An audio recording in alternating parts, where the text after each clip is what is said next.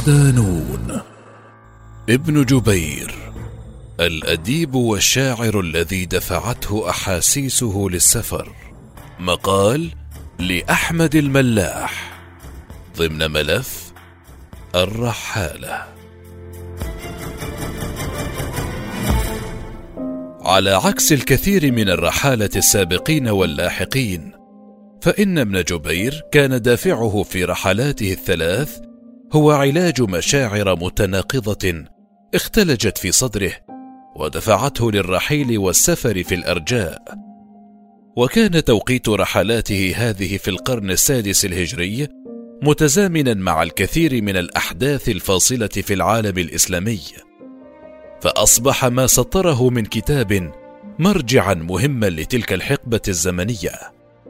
فقد سافر ابن جبير في رحلته الأولى طلبا للتوبة بعد أن تم إجباره على شرب الخمر فيما دفعته فرحته باستعادة بيت المقدس على يد صلاح الدين الأيوبي للسفر في الرحلة الثانية وكانت الثالثة نوعا من أنواع غسل الأحزان التي أصابته نتيجة وفاة زوجته. فمن هو ذلك الرحال الشاعر المرهف الذي قادته مشاعره للسفر عبر البلدان وما قصة كتابه وتفاصيل رحلاته. ابن جبير.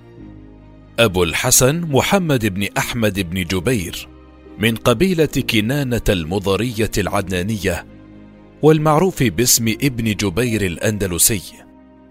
ولد في بلنسيا عام 540 للهجرة الموافق ل 1145 للميلاد وهو شاعر وأديب عربي أندلسي ورحالة شهير نشأ ابن جبير في عائلة مهتمة بالعلوم، وأتم دراسته بعد أن أتم حفظه للقرآن الكريم بمدينة بلنسيا على يد أبي الحسن بن أبي العيش، وفي شاطبة درس علوم الدين على يد أبيه. برز في علم الحساب وفي العلوم اللغوية والأدبية، وكان موهوبا في الشعر وله ديوان شعر يحمل عنوان نظم الجمان في التشكي من إخوان الزمان. كما أبدع في النثر ما فتح له الباب للعمل كاتبا لحاكم غرناطة وقت ذاك أبي سعيد عثمان بن عبد المؤمن أمير الموحدين. وقد وصفه لسان الدين بن الخطيب في كتابه الإحاطة في أخبار غرناطة بأنه كان أديبا بارعا شاعرا مجيدا سري النفس كريم الأخلاق. رحلاته الثلاثة. قام ابن جبير بثلاث رحلات متتالية انطلاقا من الأندلس باتجاه المشرق الإسلامي لكن هذه الرحلات لم تدون جميعها. واقتصر تدوين ابن جبير على رحلته الأولى فقط التي استمرت ثلاث سنوات فيما غاب التدوين عن الرحلة الثانية والثالثة. وقد خرج ابن جبير في رحلته الأولى عام 579 للهجرة من مدينة غرناطة الأندلسية إلى سبتة. ومنها ركب البحر إلى الإسكندرية ومنها توجه إلى مكة وعاد إلى غرناطة عام 581 للهجرة. وقد استغرقت رحلته ثلاث سنوات تقريبا سجل فيها مشاهداته وملاحظاته بعين فاحصة في يومياته المعروفة برحلة ابن جبير.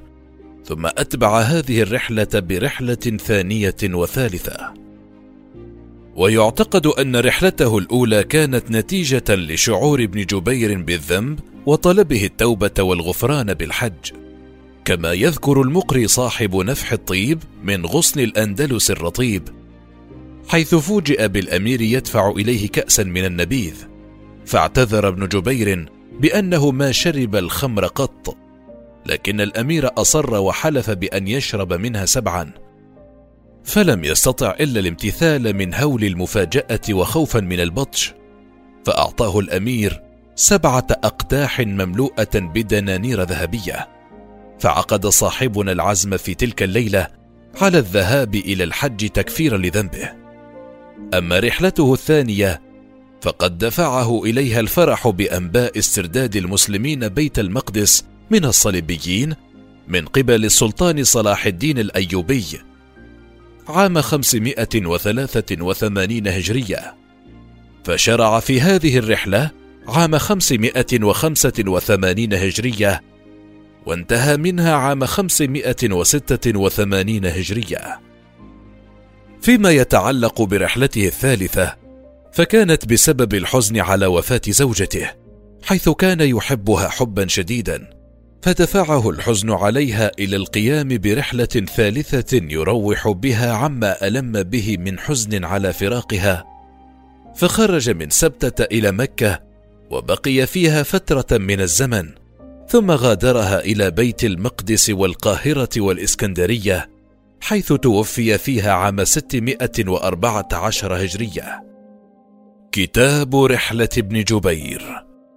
يعتبر هذا الكتاب من أفضل المصادر التي وصفت المدن في المشرق في القرن السادس الهجري وحمل عنوانين كتاب اعتبار الناسك في ذكر الآثار الكريمة والمناسك وتذكرة الأخبار عن اتفاقات الأسفار.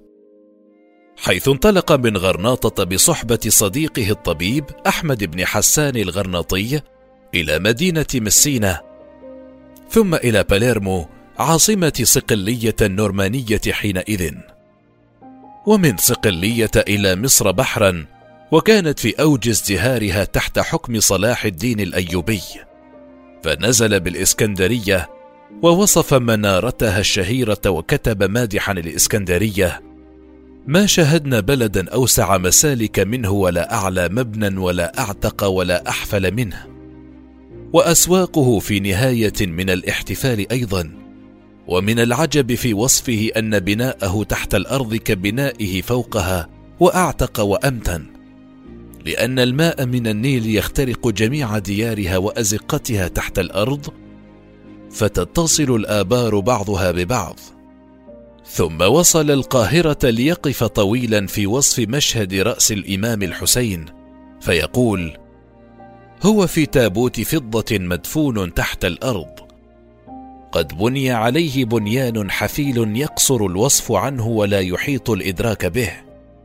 مجلل بأنواع الديباج محفوف بأمثال العمد الكبار شمعا أبيض ومنه ما هو دون ذلك.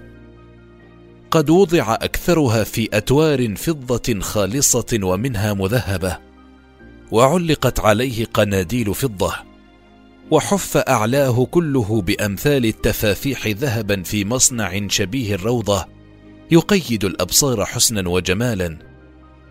فيه من أنواع الرخام المجزع الغريب الصنعة البديع الترصيع ما لا يتخيله المتخيلون ولا يلحق أدنى وصفه الواصفون. المدخل لهذه الروضة على مسجد على مثالها في التأنق والغرابة. حيطانه كلها رخام على الصفة المذكورة. وعن يمين الروضة المذكورة وشمالها بيتان من كليهما المدخل إليها وهما أيضا على تلك الصفة بعينها. والأستار البديعة الصنعة من الديباج معلقة على الجميع. وقد وصف أيضا الأهرام وأبو الهول المعجزة البناء الغريبة المنظر المربعة الشكل كأنها القباب المضروبة قد قامت في جو السماء ولا سيما الاثنين منها فإنهما يغص الجو بهما سموا. في ساعة الواحدة منها من أحد أركانه إلى الركن الثاني ثلاثمائة خطوة وستة وستون خطوة. قد أقيمت من الصخور العظام المنحوتة وركبت تركيبا هائلا بديع الإلصاق دون أن يتخللها ما يعين على إلصاقها. ويكمل وصفه على مقربة من هذه الأهرام بمقدار غلوة صورية غريبة من حجر قد قامت كالصومعة على صفة آدمي هائل المنظر وجهته الأهرام وظهره القبلة مهبط النيل. تعرف بابي الأهوال. وقد ذكر ابن جبير الكثير من التفاصيل المهمة عن مشاهداته في مصر كإكرام المغاربة الوافدين لها وقلعة صلاح الدين والواقع الطبي فيها ثم توجه صوب مكة المكرمة. ويذكر ابن جبير في طريقه إلى جدة أن سلوك الطريق باتجاه جنوب مصر ثم الإبحار إلى جدة منه صعب نتيجة اضطرار القوافل لسلوك الطريق الصحراوي الذي كان يسبب موت الحجاج بسبب قلة المياه والزرع والطعام. والسبب لاستخدام هذا الطريق الخطر هو استيلاء الفرنجة على الطريق الشمالي، ما يبين المعاناة التي كان يكابدها الحجاج نتيجة الحملات الصليبية. وندرك عظم فرح ابن جبير بأخبار استعادة بيت المقدس لاحقا ما يجعله يخرج لرحلته الثانية. في الطريق إلى مكة المكرمة يستوقفنا ابن جبير بالكثير من التفاصيل المهمة حول استغلال الحجاج ويشيد كعادة ابن جبير المعجب بشخصية صلاح الدين الأيوبي بما قام به من تذليل للعقبات أمام الحجاج والتقليل من المخاطر والضرائب التي كانت تفرض عليهم من أمراء الحجاز. ولكن ذلك لم يكن يمنع استمرار الاستفادة الاقتصادية من الحجاج. ومنها أن ماء زمزم لم يكن مجانيا بل يتوجب لمن أراد أن يشرب منه أن يدفع ثمن الماء. في داخل مكة وعند الحرم يذكر ابن جبير الكثير من التفاصيل التي للأسف لا يمكن أن يشاهدها الزائر اليوم إلى مكة بسبب طمسها تحت حجج متنوعة كالتوسعه ومخالفة الشريعة والإهمال وغيرها من العلل التي جعلت إرث مكة الاثري والتاريخي يختفي. فيذكر التوسعات التي قام بها المنصور وبقية الخلفاء وقبر إسماعيل عليه السلام وقبر أمه هاجر وقبة بئر زمزم وأبواب مكة ومنازل الصحابة فيها ومنزل أم المؤمنين خديجة وعليه قبة يطلق عليها قبة الوحي والمنزل الذي ولد فيه الرسول وقد حول لمسجد ذكره ابن جبير في وصفه لمشاهد مكة. ومن عجائب ما ذكره ابن جبير أن كل صلاة مكتوبة كانت تقام خمس مرات حسب المذاهب الإسلامية الشافعية المالكية الحنفية الحنبلية والزيدية. وهذا من ظواهر التفرقة الإسلامية التي وصلت في ذلك الزمان حيث كل أتباع مذهب لا يصلون خلف إمام من مذهب آخر. في العراق فإن أول مدينة زارها ابن جبير كانت الكوفة وقد كانت تعاني من الخراب والدمار نتيجة صراعها مع قبيلة الخفاج المجاورة لها وذكر مسجدها الكبير والمشاهد الكريمة التي فيها. أما في بغداد فقد كان ابن جبير قاسيا بوصفها فيقول المدينة العتيقة التي ذهب أكثر رسمها ولم يبق منها إلا شهير اسمها. فهو يقارن بغداد في نهاية عهدها العباسي بزمانها الذهبي في عصر المنصور والرشيد ولكن يخالف كلماته الأولى فيحتفي بكثرة ناسها والزوارق التي لا تتوقف لنقلهم بين جانبي دجلة. ثم يكمل مديحه عن علماء بغداد وخاصة مجلس ابن الجوزي. ويحتفي بالقراءة البغدادية للقرآن على نسق بتطريب وتشويق يأتون فيها بتلاحين معجبة ونغمات محرجة مطربة وقصده بذلك المدرسة البغدادية في استخدام المقامات في قراءة القرآن الكريم.